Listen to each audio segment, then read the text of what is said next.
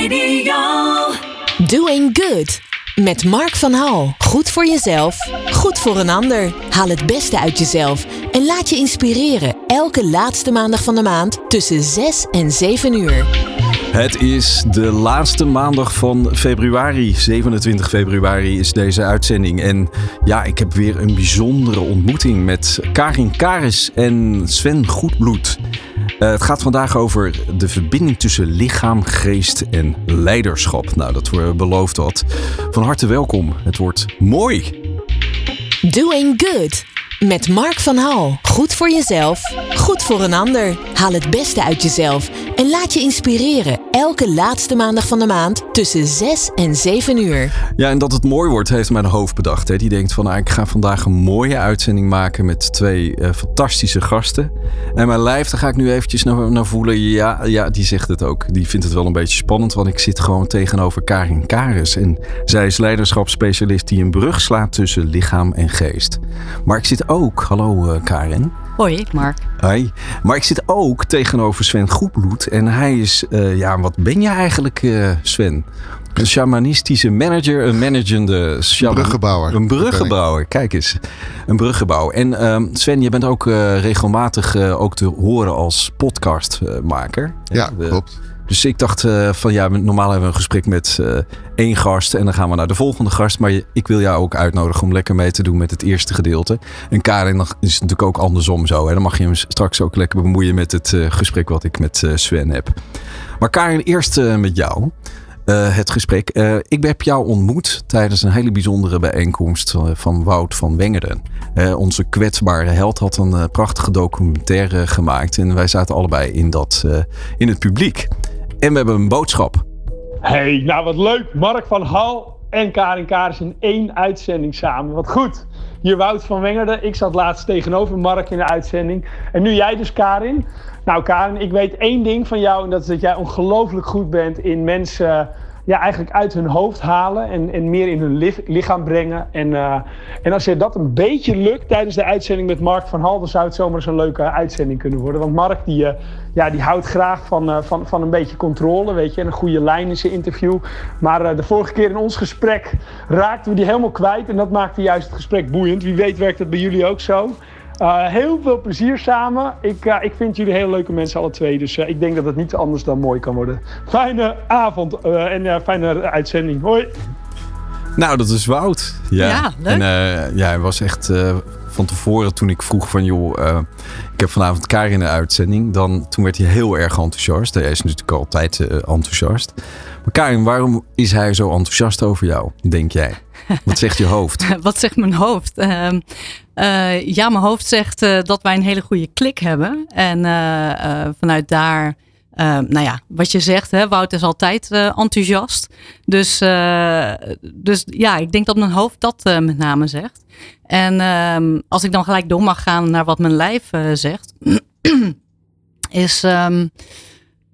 Dat, dat ik denk dat Wout en ik op gevoelsniveau heel erg goed aanvoelen wat, um, wat er belangrijk is in het leven. En um, uh, omdat wij die klik op dat niveau ook hebben, denk ik dat hij, uh, dat hij daarom heel enthousiast is uh, over ja. mij. dus je zegt de, de verbinding zit in het lijf, in het gevoel. Hè? Um, ja, nou ja, in, in dit stukje in ieder geval wel. Ja. En uiteindelijk gaat het heel in zijn algemeenheid veel meer over de verbinding tussen hoofd en lijf. Ja. En ver, ver, ja, zijn we vaak dat stukje lijf vergeten. Um, waardoor we eigenlijk die andere verbinding, hè, die, die ik samen met, uh, met Wout voel, um, dat we daar niet altijd meer de toegang toe hebben die we, die we graag zouden willen hebben. Ja, en dat, dat, je hebt een prachtig boek geschreven, Je hoofd te lijf. Dat is ook echt uh, de, ja, de boodschap, de wijsheid van voelen. En um, uiteindelijk als je een boek schrijft, uh, tenminste, dat lijkt mij, dat doe je niet zomaar. Dat, dat wordt niet gechanneld bij jou. Uh, sommige mensen die uh, schrijven een boek en het komt gewoon vanzelf eruit. Nee, hier heb je flink aan gewerkt voordat het boek er uiteindelijk was. Nou, het is wel grappig, want de eerste, nou, het schrijven van, de, van het manuscript was eigenlijk wel, dat, dat kwam er redelijk makkelijk uit. Toch? Ja. ja. Uiteindelijk daarna duurt het nog weer twee, drie jaar. Het is gewoon mijn eigen hoofd die dat uh, zegt. Van dat je daar heel lang mee bezig moet zijn om het voor te bereiden. Maar het kwam uh, uit, je, uit je vingers. Uiteindelijk uh, de, de, de basistekst, de eerste tekst, die rolde er eigenlijk redelijk makkelijk uit. En daarna, weet je, ga je schaven, ga je het aan mensen laten lezen en dan krijg je commentaar, feedback. En dan ben je uiteindelijk met dat proces nog best wel een tijd bezig. Um, maar ja, eigenlijk de, de basis van dit boek rolde er redelijk goed uit. Ja, en waarom heb je het boek geschreven? Mooie vraag. Ik denk dat ik dat boek geschreven heb omdat het eh, thema waar ik over heb geschreven is, heb, iets is waar we op dit moment heel erg behoefte aan hebben in de wereld. En eh, ik heb zelf ervaren, da daardoor is dit boek ontstaan, wat de kracht is van ons lijf. En eigenlijk de kracht is van de verbinding tussen hoofd en lijf. En toen ik dat ging ontdekken en ook ervaarde hoe eigenlijk simpel dat was, dacht ik van ja, daar, moeten meer mensen mee in verbinding, mee in contact komen. Want ja, dat gaat gewoon heel veel opleveren. hoe heb je dat zelf ervaren? Nou, ik, ik train al meer dan 30 jaar Aikido. Um, Aikido is een Japanse martial art. Uh, met een heel sterk filosofisch uh, principe en achtergrond. En op de mat uh, kwam ik er op een gegeven moment achter dat het beoefenen van, van Aikido eigenlijk een continue spiegel is over hoe ik in het leven sta, hoe ik met mezelf omga en hoe ik met andere mensen omga. En uh, die vertaling van wat ik op de mat doe, waar ik eigenlijk de hele tijd onder lichte druk word gezet door de aanval van de ander, is precies wat ik ook uh, terug, tenminste dat ben ik gaan inzien, uh, precies wat ik ook doe buiten de Aikido-mat. In de omgang met collega's, in de omgang in mijn relaties, in de omgang met vrienden of mensen op straat. En toen ik ging zien hoe praktisch en concreet de Aikido mij die spiegel gaf en hoe ik daar ook in kon gaan, uh, ja, eigenlijk de, de principes en de filosofie kon gaan gebruiken om mezelf te veranderen en mijn geautomatiseerde patronen eigenlijk te, te herbeoefenen, zeg maar, en de andere keuzes in te maken, dacht ik van ja, dit, dit is zo eenvoudig, dit is zo simpel. Als meer mensen dat kunnen doen, dan, dan gaat dat voor heel veel mensen wat opleveren. Mag ik je wat vragen? Zeker. Want Aikido is ook een soort van verdedigingssport. Ja. Een soort van dans. Tenminste, zo, zo, ja, zo zie ik het. Uh. Ja. En als je dan uh, zie ik een hoofd en een lijf op de mat. En vraag ik me even af, wat is de techniek om die twee weer te verbinden? Wat is de belangrijkste techniek zeg maar, die je vanuit, uh, vanuit Aikido hebt? Uh? Mooie vraag. Um, voor mij is dat centreren. Centreren is eigenlijk het basisprincipe ook van hè, de methode die ik eigenlijk uiteindelijk zelf ontwikkeld heb en waar ik mensen mee help. Is centreren de eerste vaardigheid uh, die, je, die je aanleert om die verbinding tussen hoofd en lijf weer te maken. Het centreren van je energie of van je gedachtes of van eigenlijk het centreren van, van je focus, van je aandacht. We, we zitten over het algemeen in onze maatschappij heel veel in het hoofd. Dus we mhm. worden heel erg gestuurd op onze cognitieve uh, intelligentie, onze intellectuele intelligentie, om die te gebruiken. Maar op het moment dat we onze aandacht en focus kunnen laten zakken naar, zoals dat in het Japans noemen, de hara, die in je onderbuik zit, zo'n twee tot drie uh, vingers onder je centrum, of onder je navel. Um, op het moment dat je daar je aandacht uh, en focus kan laten rusten, kunnen we gebruik maken van een andere intelligentie en een andere wijsheid. Mooi. Ja prachtig dat je dat eh, zo ook vraagt, eh, Sven, maar ook hoe je het verwoordt. Um, want um, op een gegeven moment ben je 30 jaar bezig met, met deze vechtsport, hè? of deze manier van, van uiten. En ik kan me voorstellen dat op een gegeven moment bij jou een soort van moment is uh, waardoor dit inzicht zo naar je toe komt. Of was het een soort van opeenstapeling van ervaringen? Nou, het is een mooie vraag die je stelt, want het is eigenlijk allemaal ontstaan vanuit één ervaring die ik op de mat had. Natuurlijk is het een opstapeling van hè, al je ervaring en trainingsuren. Maar er is één heel specifiek moment wat me eigenlijk heeft gebracht waar ik nu sta in het leven. En uh, dat was één iemand waarbij ik altijd heel veel moeite had om mee te trainen. Hij uh, trainde ook al heel lang, kende in principe alle technieken en wist wat hij moest doen. Maar in de interactie blokkeerde hij altijd. En Aikido gaat heel erg over flow en over beweging. En um, ik raakte heel erg geïrriteerd van die, hè, dat, dat blokkeren en, en het uh, stoppen van die energie. Bij hem? Ja, oh, in, ja. De, in de interactie. Ja, ja. Dus op het moment dat ik dan een techniek wilde uit, uitvoeren en met hem wilde oefenen, waarbij je hè, in principe iemand werpt of iemand naar de grond brengt en hij heel erg verkrampt en uh, blokkeert, dan kan je die beweging niet doorzetten. Jij wilde hem echt eh, op de mat gooien, maar hij wilde niet. Nou ja, zoiets. Ja. En mijn... Hè, wat vervelend. Ja, vervelend hè? Ja, en mijn geautomatiseerde patronen. Ik, ik, ik kon niet zo goed omgaan met mensen die onzeker en, en angstig waren. Dus ik dacht, weet je, als ik maar hard en snel genoeg inkom, dan moet die wel rollen. Ja, Nou, ik weet niet of je kan voorstellen wat het effect was van mijn, nou ja, eh, patroon wat ik daarin inzette. Maar dat was niet dat hij makkelijker kon rollen, Nee. zeg maar. Dus hij blokkeerde eigenlijk alleen maar meer. hij werd echt als een blok, eh, letterlijk en figuurlijk. Ja, Ja, totdat ik op één avond eh, tijdens de training weer tegenover hem stond en gewoon letterlijk de angst in zijn ogen zag, omdat ik tegenover hem stond. wow. En, en dat, ik zie dat het jou raakte. eh, eh, hè? Want als ik nu in je ogen kijk, eh wauw. Ja, Dat, er gebeurt wat in mijn lijf als je dit nou zo tegen mij zegt. Wat, wat- gebeurde er bij jou dan?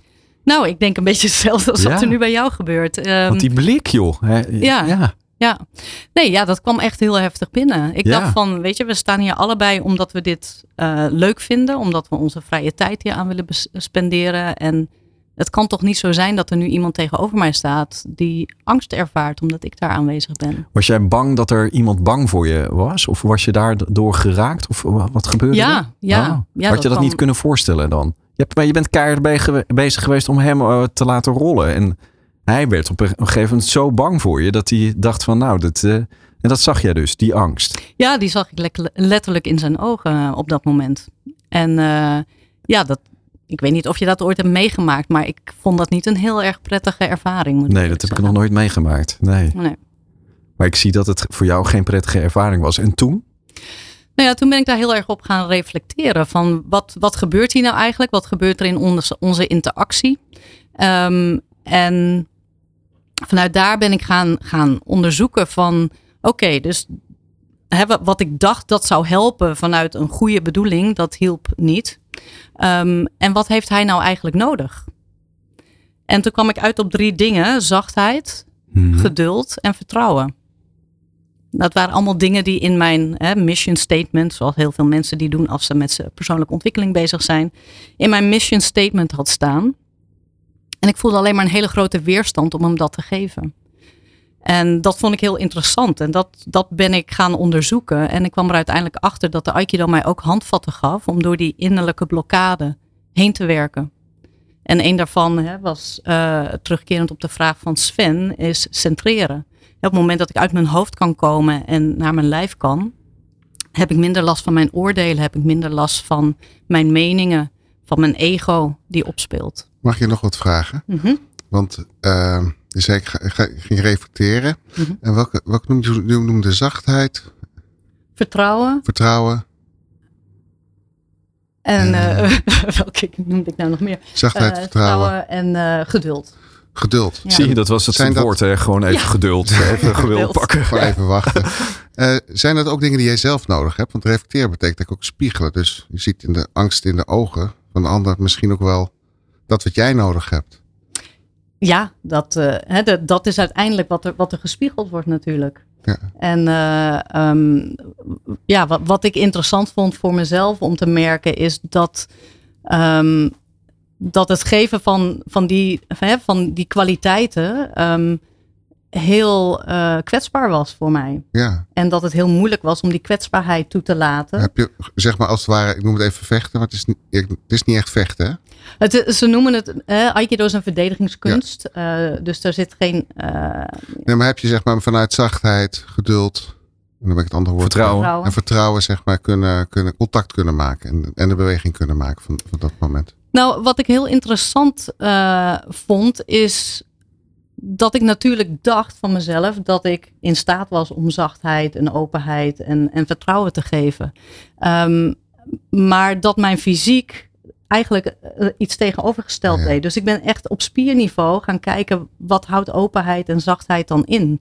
Eh, wat houdt vertrouwen in? Wat houdt geduld in? En ik kon gaan voelen dat eh, die patronen andere spieractiviteiten in mijn lijf vragen. Waar zit vertrouwen bijvoorbeeld voor jou? Voor mij zit vertrouwen, dat is een mooie vraag. Ehm, vertrouwen zit voor mij heel erg in een zachtheid rondom mijn buik. Eh, een, een bepaalde zwaarte. En eh, bepaalde openheid rondom mijn schouders. Dus dat kan je zeg maar daar oproepen. Ja, wat, wat ik heb, heb geleerd door de jaren heen is door een conceptueel beeld te hebben. Hè, het woord vertrouwen is een conceptueel beeld. Maar dat uitzicht in ons lijf. En uh, dat zal voor iedereen anders zijn. Hè? Misschien dat vertrouwen voor jou ergens anders in je lijf zit. Ja, en wat, wat ik, wat ik, uh, ik vind het echt uh, prachtig. Je, je hebt een woord en je voelt het in je lijf. Mm -hmm. Dat is wat, we, wat we aan het doen zijn nu, toch? je hebt zachtheid, maar waar voel je dat in je lijf? Maar laten we even terug naar, gaan naar de angst. dat voelde je dus in je hele lijf. En dat voelde hij dus ook in zijn hele lijf, want hij blokkeerde uiteindelijk. Wat, uh, we gaan zo meteen even verder van wat het hoofd dan doet en dan wat het lijf dan doet. Maar je hebt ook uh, twee. ik ga een hele rare brug maken. Um, je hebt uiteindelijk ook twee muzieknummers, zeg maar, aangegeven. Waaronder Lapsley en Painter is de titel van het, van het nummer. Kun je er iets over zeggen, over dat nummer? Ja, ik, ik ben zelf niet iemand van de woorden. Dus ik, heb, ik weet eigenlijk niet waar het nummer over gaat. Nou, dan gaat het ergens over. Laten we eens gaan luisteren. these wings with me fly.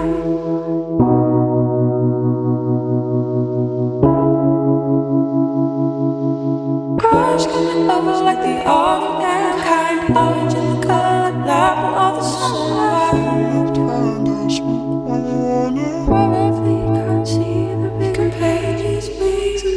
Lapsley Painter is het nummer. En ik, uh, ik heb echt even goed opgelet uh, tijdens het luisteren van dit nummer. En het gaat over See the big, Bigger Picture. Dus het grotere plaatje zien. En daar zijn we mee bezig. We hebben een uh, hoofd, we hebben een lijf. En daar de brug tussen slaan, dat, dat zijn we nu aan het doen. Je hebt een boek geschreven, Karin Karis. Is, zij is, ja, je bent leiderschapsspecialist. Zo staat het op jouw ja, LinkedIn profiel. En um, ja, ik, dat boek is bijna een soort van vanzelf uit uit je systeem gekomen. Maar je, hebt ooit een reis gestart uh, om meer over dat lijf te weten te komen. Um, je bent uh, net als Sven trouwens ook naar Amerika geweest. Een ander gebied natuurlijk. Maar je hebt daar wat wijsheid op gedaan. Kun je er iets over zeggen, Karin? Ja, ik heb uh, uiteindelijk, hè, ik vertelde net dat verhaal over mijn ervaring op de Aikido-mat. Uh, ik ben van huis uit uh, fysiotherapeut, ergotherapeut. Dus heb eigenlijk altijd met het lijf gewerkt en met mensen. En door die ervaring in de Aikido ben ik me opeens uh, veel meer gaan verdiepen in, of niet opeens, maar ben ik me nog meer gaan verdiepen in de rol die ons lichaam speelt in gedrag en, uh, en uiteindelijk ook leiderschap. En ik ben naar Amerika gegaan, uh, naar het Strozzi Institute van Richard Strozzi Heckler. Hij is ook een Aikidoka die eigenlijk al meer dan 30 jaar, of misschien ondertussen al wel 40 jaar um, Aikido buiten de mat heeft gebracht, zoals ze dat uh, noemen. Um, en zich heel erg heeft gespecialiseerd in embodiment, waar, waarin het gaat over die verbinding tussen hoofd en lijf en hoe we ja, als daarvan, daarmee onderdeel zijn van het grotere systeem. Hè? Dus de bigger picture, ja. uh, waar Lapsley uh, over, over zong. En ik heb een uitgebreide opleiding uh, bij hem gevolgd. om eigenlijk alles wat ik zelf ontdekt heb, was hij al 30 jaar mee bezig. en daar een stuk verdieping in te krijgen. Oké, okay, en um, je, hebt, je had het zelf al ontdekt, maar daar was de bevestiging. Klopt. Oh, ja. mooi. Ja, dat was heel Beter fijn. dan omgekeerd, toch? Ja, of niet? Ja. ja. en, um, en het is ook een beetje het land van de ontdekkingen, Amerika. Um, maar dan kom je terug en dan... Um, ja, ik ga toch uh, zeggen, ja, het komt even in mijn, in mijn lijf omhoog. Maar uh, kunnen we het iets simpeler maken? Kunnen we het even wat tastbaarder maken? Uh, want in eerste instantie heb jij het over uh, een gevecht op de mat en je zag iets en er gebeurde in je lijf. En dat was een soort van weerspiegeling van hoe het ook bij jou werkte. Maar uh, hoe werkt het nou concreet in het dagelijks leven? Nou ja, we kunnen even een klein experimentje doen als je dat leuk vindt. Ja, vind ik ja? leuk. Ja. Nou, als je Bedoel je dat met mij of met Sven of met Daan? met nou, met iedereen die luistert, uh, denk ik. Dus ja. iedereen die luistert kan, oh, ja, gewoon, ja. Uh, kan gewoon meedoen. Ja, ik zat even te kijken. Um, Moet ik iets doen? Of is ja, we, gaan, we gaan iets gaan doen. doen. Ja, experimentjes zijn heel vaak uh, iets doen.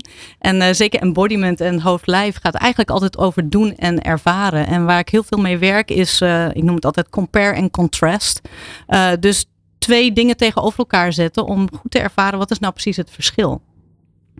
Dus stel je in eerste instantie ga eens terug naar een moment waarin je ehm, ja, een conflict had met iemand of ehm, nou ja, in, een, in een wat ongemakkelijke situatie uh, zat. En kijk eens of je jezelf terug kan brengen naar die, dat, dat voorval, naar die situatie. En dan wil ik je eens vragen, als je dat doet en je voorstelt dat je daar weer bent, wat, wat merk je dat er op dat moment in je lichaam gebeurt?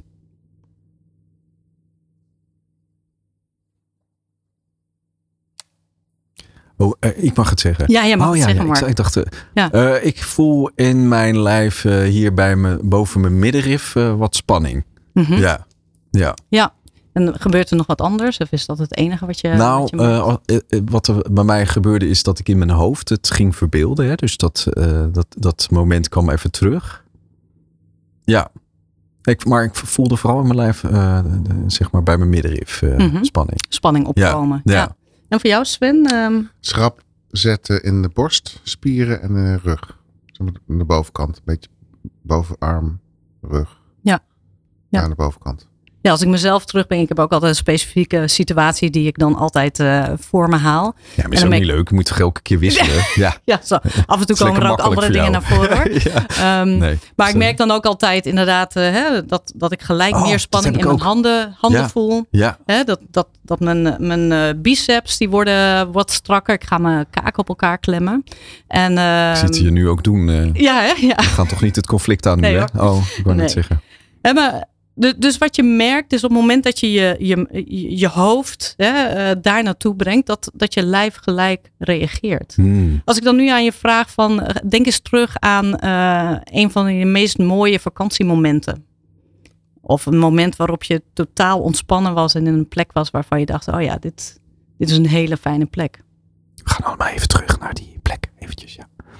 Ja, ik heb hem al hoor. Ja. Heb je hem al? Ja. Ja? Ik zie je gelijk veranderen. Ja, hè? Er gebeurt van alles. Ja. Ja. Ik, ik uh, ja, kan het ook helemaal. Ik sta gewoon met mijn beide voetjes in, de, in het zeewater. Mm -hmm. Terwijl er op dat moment een bloedmaan is, zeg maar. Dat was echt heel op. op uh, Wauw, shit, waar was het ook alweer? Nou, in Griekenland. ja. Maar prachtige, prachtige ervaring was het. Zo rustig was het. Fantastisch. Nou, wat grappig is, ik zie gelijk jouw gezicht veranderen. Je ogen Ja. worden zachter en stralender. Ja. En je adem zakt, voor mijn gevoel. Dus al mijn zenuwen van deze uitzending, dit gesprek, zijn gewoon meteen weg. Zijn Uh, gelijk, oh, wow. Die zijn Ja. gelijk weg. Ja. Het is, dus als we kijken naar hoe concreet dat is, is op het moment dat ik jou vraag, denk eens aan iets vervelends, iets naars, dan roept dat gelijk sensaties op in je lichaam.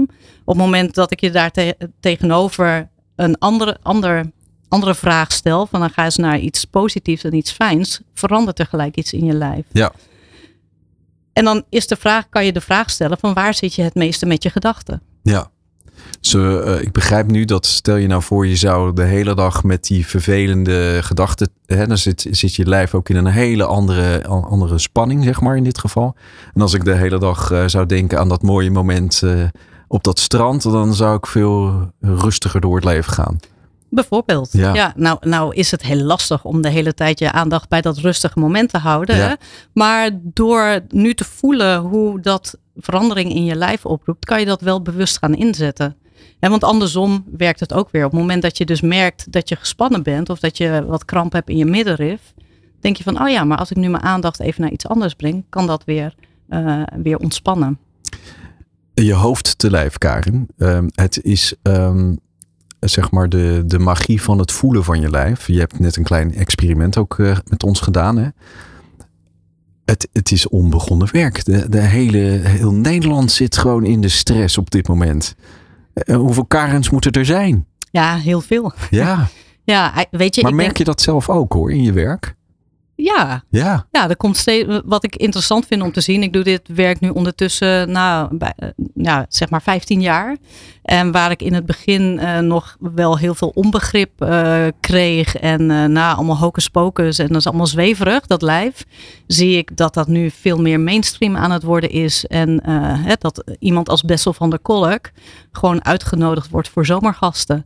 En, ja. um, en de hele avond mag vertellen over die relatie tussen hoofd en lijf. En dan werd hij daarna nog, of nee, daarvoor al in de Volkskrant nog een beetje een soort van op een andere manier benaderd van joh, dit is allemaal gedoe. En Maar hoe, waarom is dat zweverig, Karen? Waarom is dat nou? Je lijf zegt het toch gewoon? Ik bedoel, gebeurde toch in deze studio net?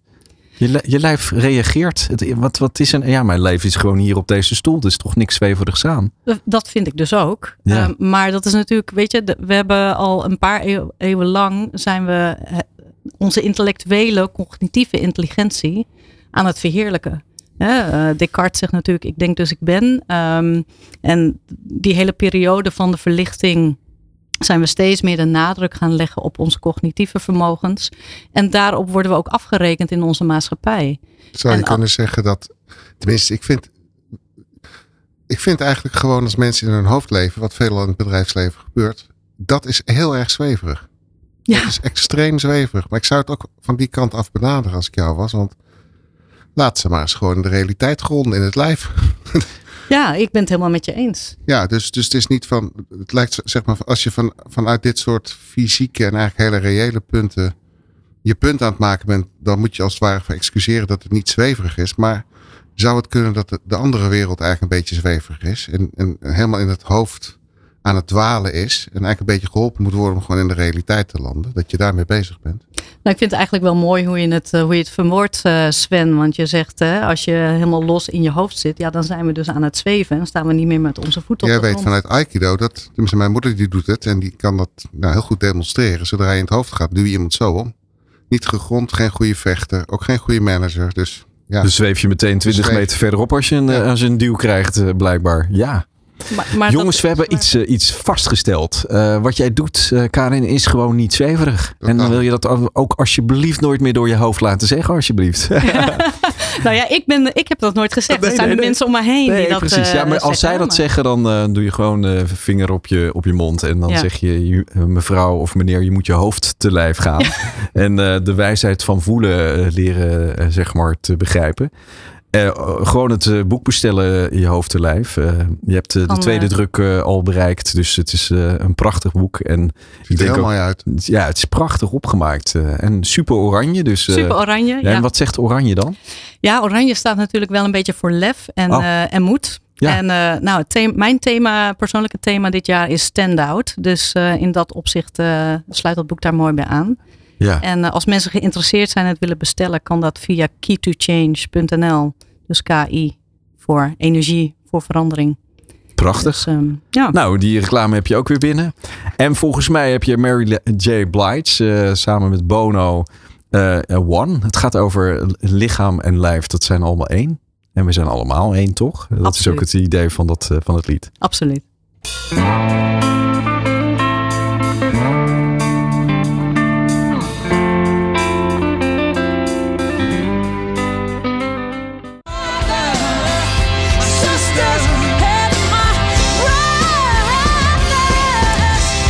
Eigenlijk vind ik het zo oneerbiedig om over de, de zang van Bono en Mary Jane Blige heen te praten. Maar ik doe het toch weer. Hè. Ik geef mezelf meteen maar weer een tik op mijn vingers.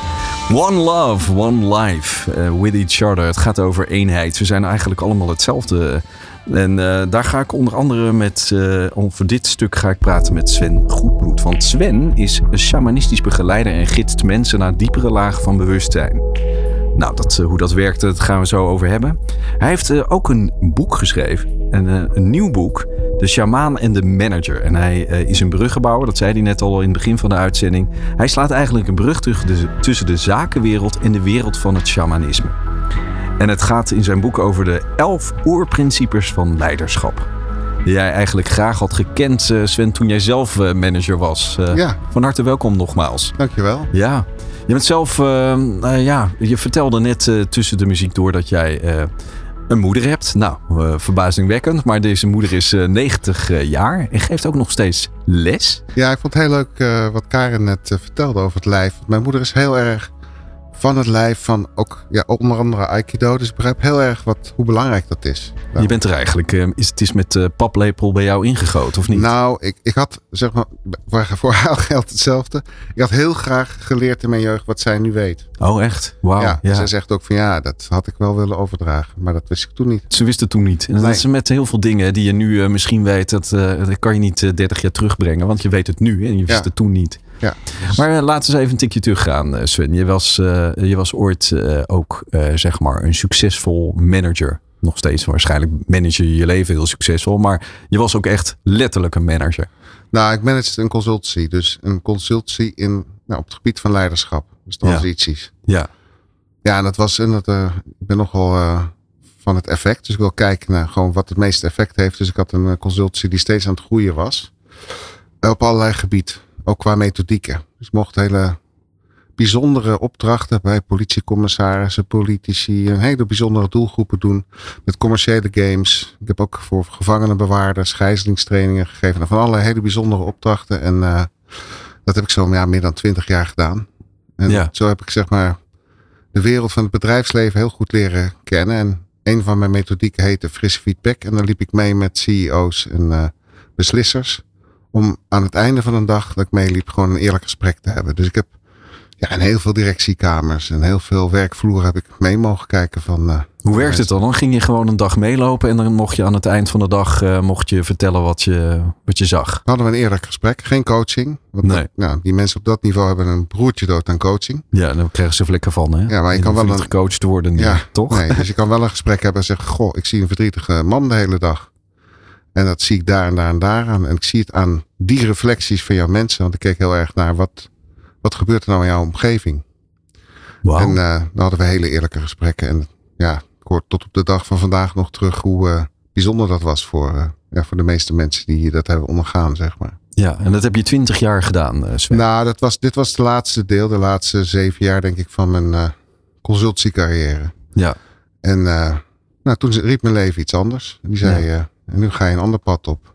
dat, dat, was het pad van de shamaan. Dus toen uh, ben ik uh, eigenlijk, uh, nou ja, ik wist, ik wist al toen ik de eerste shamanistische ceremonie deed, wist ik al van, oh, dit wordt mijn werk. Je gaat me echt te snel, Sven. Sorry. Okay. Ja, nee, even, even, ja, want je, je, opeens zit je in het shamanistische. Ja, ja, hele verhaal even ja. kort, Mark, zijn we er doorheen. ja, even, ja, want kijk, uh, ik kan me voorstellen dat je er op een gegeven moment in aanraking mee komt. Maar uh, dat, daar gaan we het dan zo nog over hebben. Maar ik wil nog even terug naar de oorsprong. Ja. De kleine Sven die op aarde komt. In wel, welke omgeving ben je terecht te komen?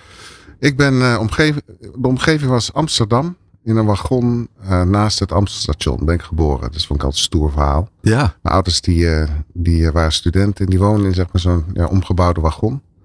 En daar ben ik... Op het spoor nog? Nou ja, net naast het spoor. Ja, ja. Het kon niet zomaar wegrijden. Was, dat, al, dat ik was toen al van het spoor af, zeg maar. en ja, daar, ben ik, daar ben ik zeg maar geboren. En ik ben in Amsterdam zeg maar, de eerste jaren van mijn leven grootgebracht. tot zeven jaar. En toen ben ik naar de bossen van Gelderop vertrokken bij Eindhoven. Ja, en daar heb ik gewoon mijn jeugd uh, doorgebracht. En toen ben ik, ja, ik ben heel blij dat ik in de bossen ben uh, grootgebracht. Ja, want uh, ze zeggen meestal, ik heb tenminste, ik lees af en toe een boek. En dan staat er in dat boek, of sommige boeken, dat de eerste zeven jaar van je leven echt wel enorm belangrijk zijn voor hoe je de rest van je leven invult. En je, voordat je dus naar de bossen uh, verhuisde, had je dus die stadse omgeving in de wagon doorgebracht. Ja, klopt. Ja. Wat heb je toen uh, tot je genomen, denk je? Wow, een mooie vraag. Wat heb ik. Uh... Nou, ik weet dat ik, ik.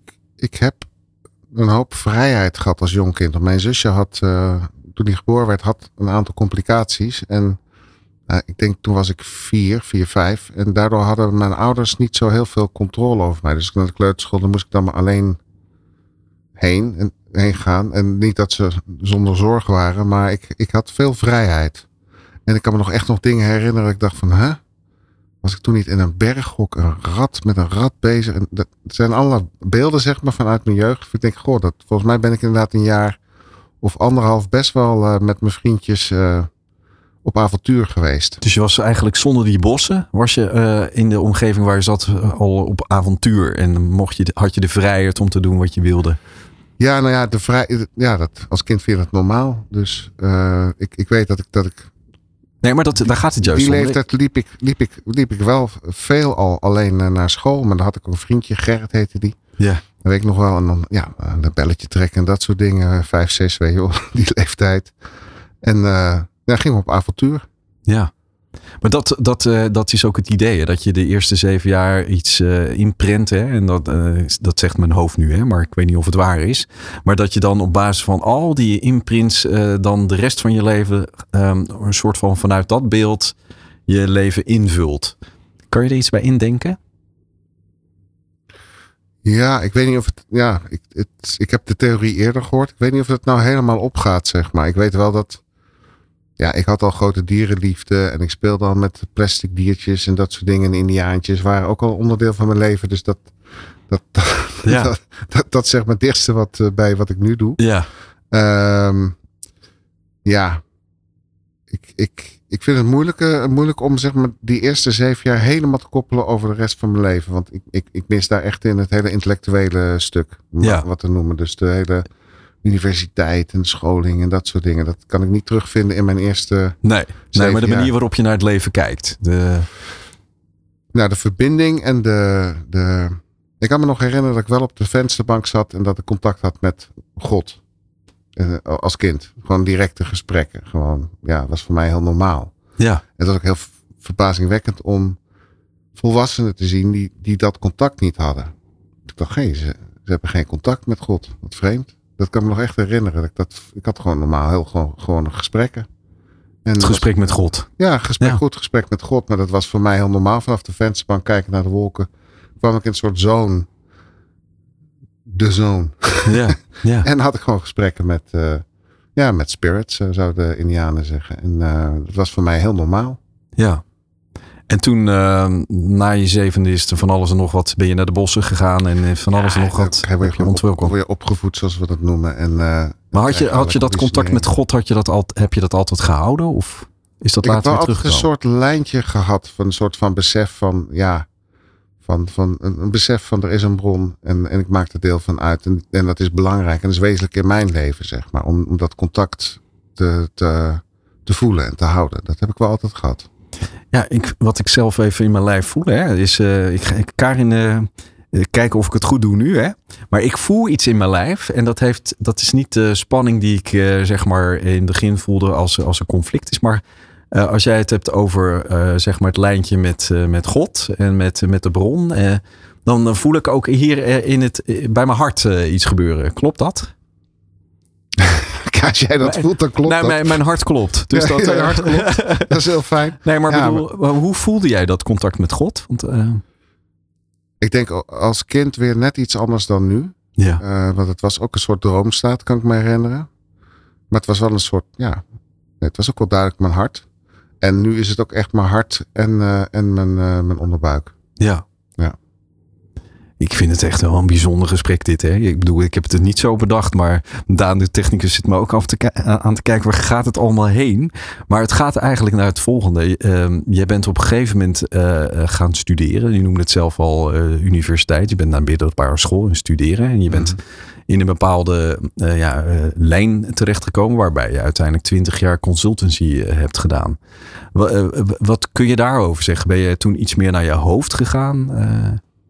Nou, dat vind ik wel interessant dat je de, de link legt, uh, jeugd en, en dan de opvoeding. Ja. De laatste tijd zit ik me steeds meer te verbazen over wat daar gebeurt. Ik denk, jeetje, ik was een kind, was gewoon super. Nou, in, in het shamanisme heb je zeg maar verschillende elementen.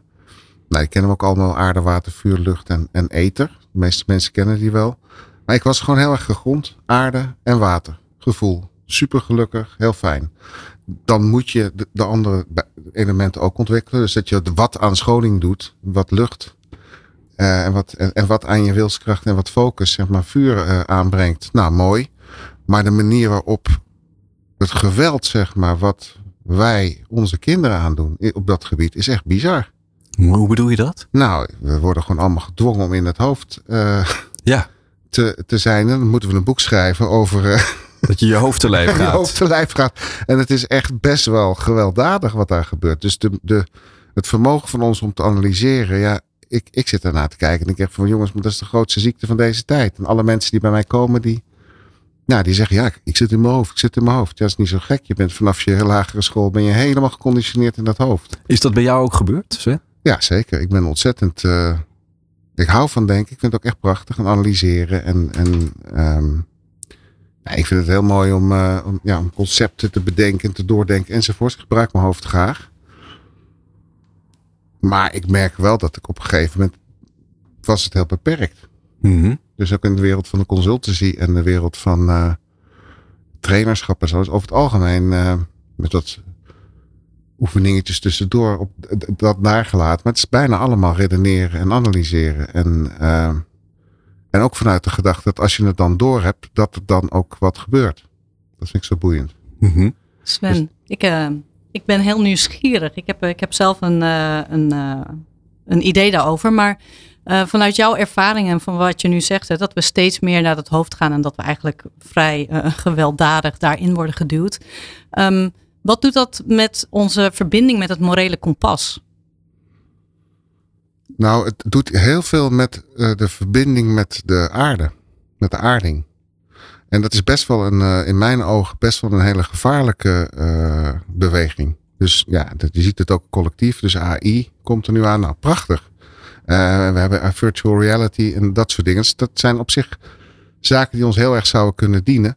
Maar niet als wij niet verbonden zijn met de aarde. Dan wordt het vernietigend. En dus wat doen we het met ons morele kompas? Op het moment dat wij niet meer gegrond zijn, uh, raken we de verbinding kwijt met ja, onze planeet. En dat is levensgevaarlijk. En dan, dan kan ik er niet meer met mildheid naar kijken. Dan denk ik, nou, zullen we het gewoon eens even bekijken vanuit wat hier echt gebeurt. Het is best ongezond. Er zijn ook heel veel kinderen die nu uitvallen, die volgens mij doorhebben dat het ongezond is. Dat het gewoon niet meer zo gezond is om op deze manier ja, in je leven zeg maar geconditioneerd te worden. Of ja. beste bedoelingen van ouders ook nog. En wat een bijzondere titel van een uh, nummer dat, uh, dat we nu hebben uitgekozen. We Watch the Stars uh, van Fink. Ja.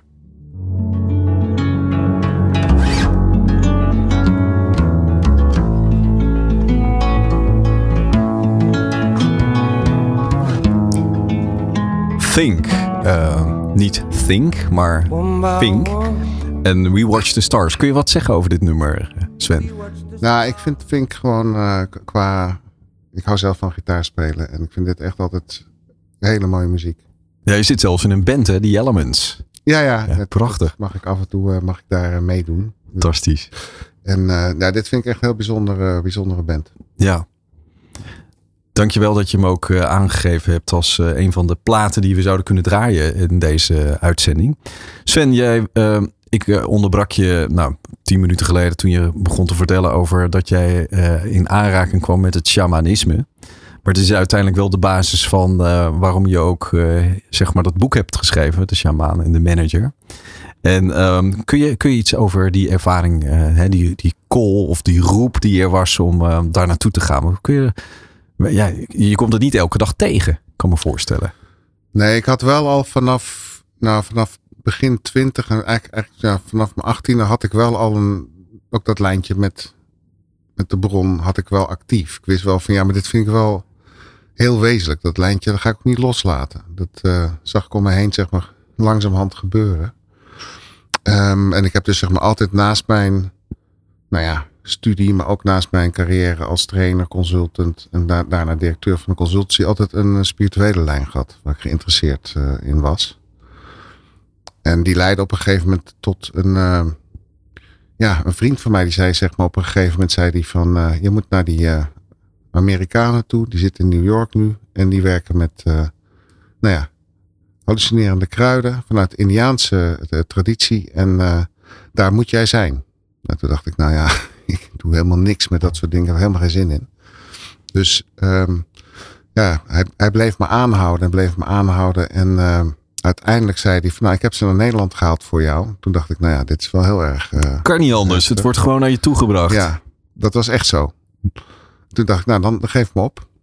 Maar wel vanuit gedacht. En dan bedenk ik een of andere rotsmoes. En dan stuur ik iemand anders die het gewoon ja, mijn plek inneemt. Maar die mm -hmm. was ik gewoon uh, vergeten, die smoes.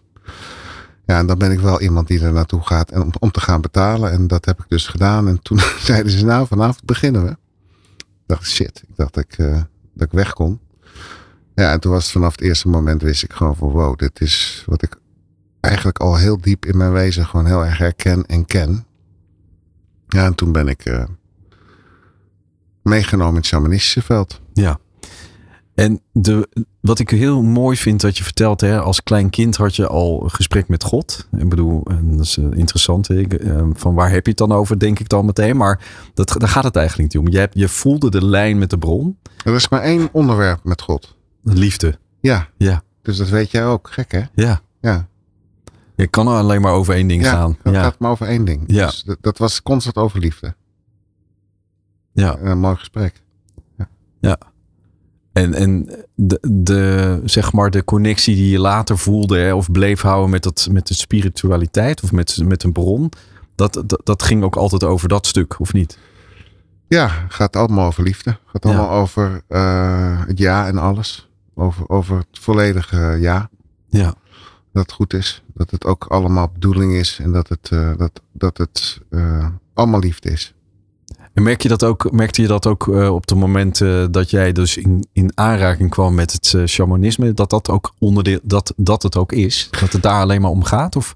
Nou, voor mij was, was zeg maar de poort naar liefde is voor mij een hele duidelijke poort. Het zijn de dieren. Zijn de diertotems, zijn de dieren. En dus wat die eerste ceremonie gebeurde, was dat die poort van de dierenwereld ging zo wagenwijd open. Dat, en dat is voor mij zo'n wereld van liefde. Dat was gewoon ja, een, soort van kernbom aan liefde. En alle soorten dieren mocht ik, mocht ik ontmoeten en door me heen laten gaan. En ja, dat was, dat was een waanzinnige ervaring van pure liefde. Maar heel erg gegrond op aarde. Want dieren zijn natuurlijk wel echt aardewezens. Ja.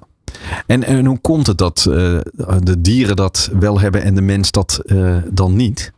Nee, dat heb ik niet gezegd. Nee, nee, maar ik, dat zeg ik nu. Hè? Van, ik bedoel, ik zeg eh, nu eigenlijk het volgende van... Hè, dieren zijn naar mijn idee eerder met onvoorwaardelijke liefde bezig dan mensen op dit moment. Dat is mijn stelling.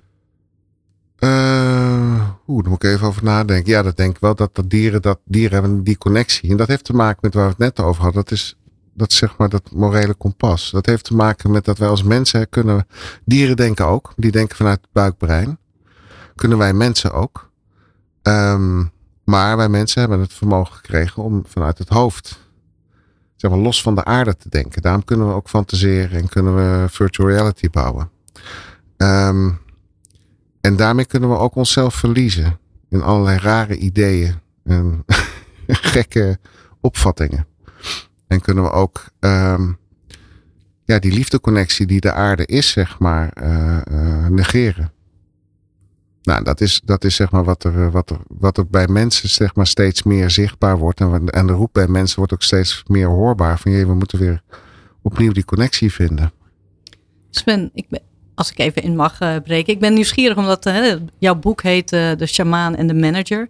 Wat, is in jouw optiek de rol die, de, de, de kennis die jij deelt of waar jij vanuit leeft nu eh, in, in organisaties zou moeten zijn? Nou, er zijn een aantal principes. Ik, ik, eh, heb in mijn boek elf oerprincipes van leiderschap eh, beschreven.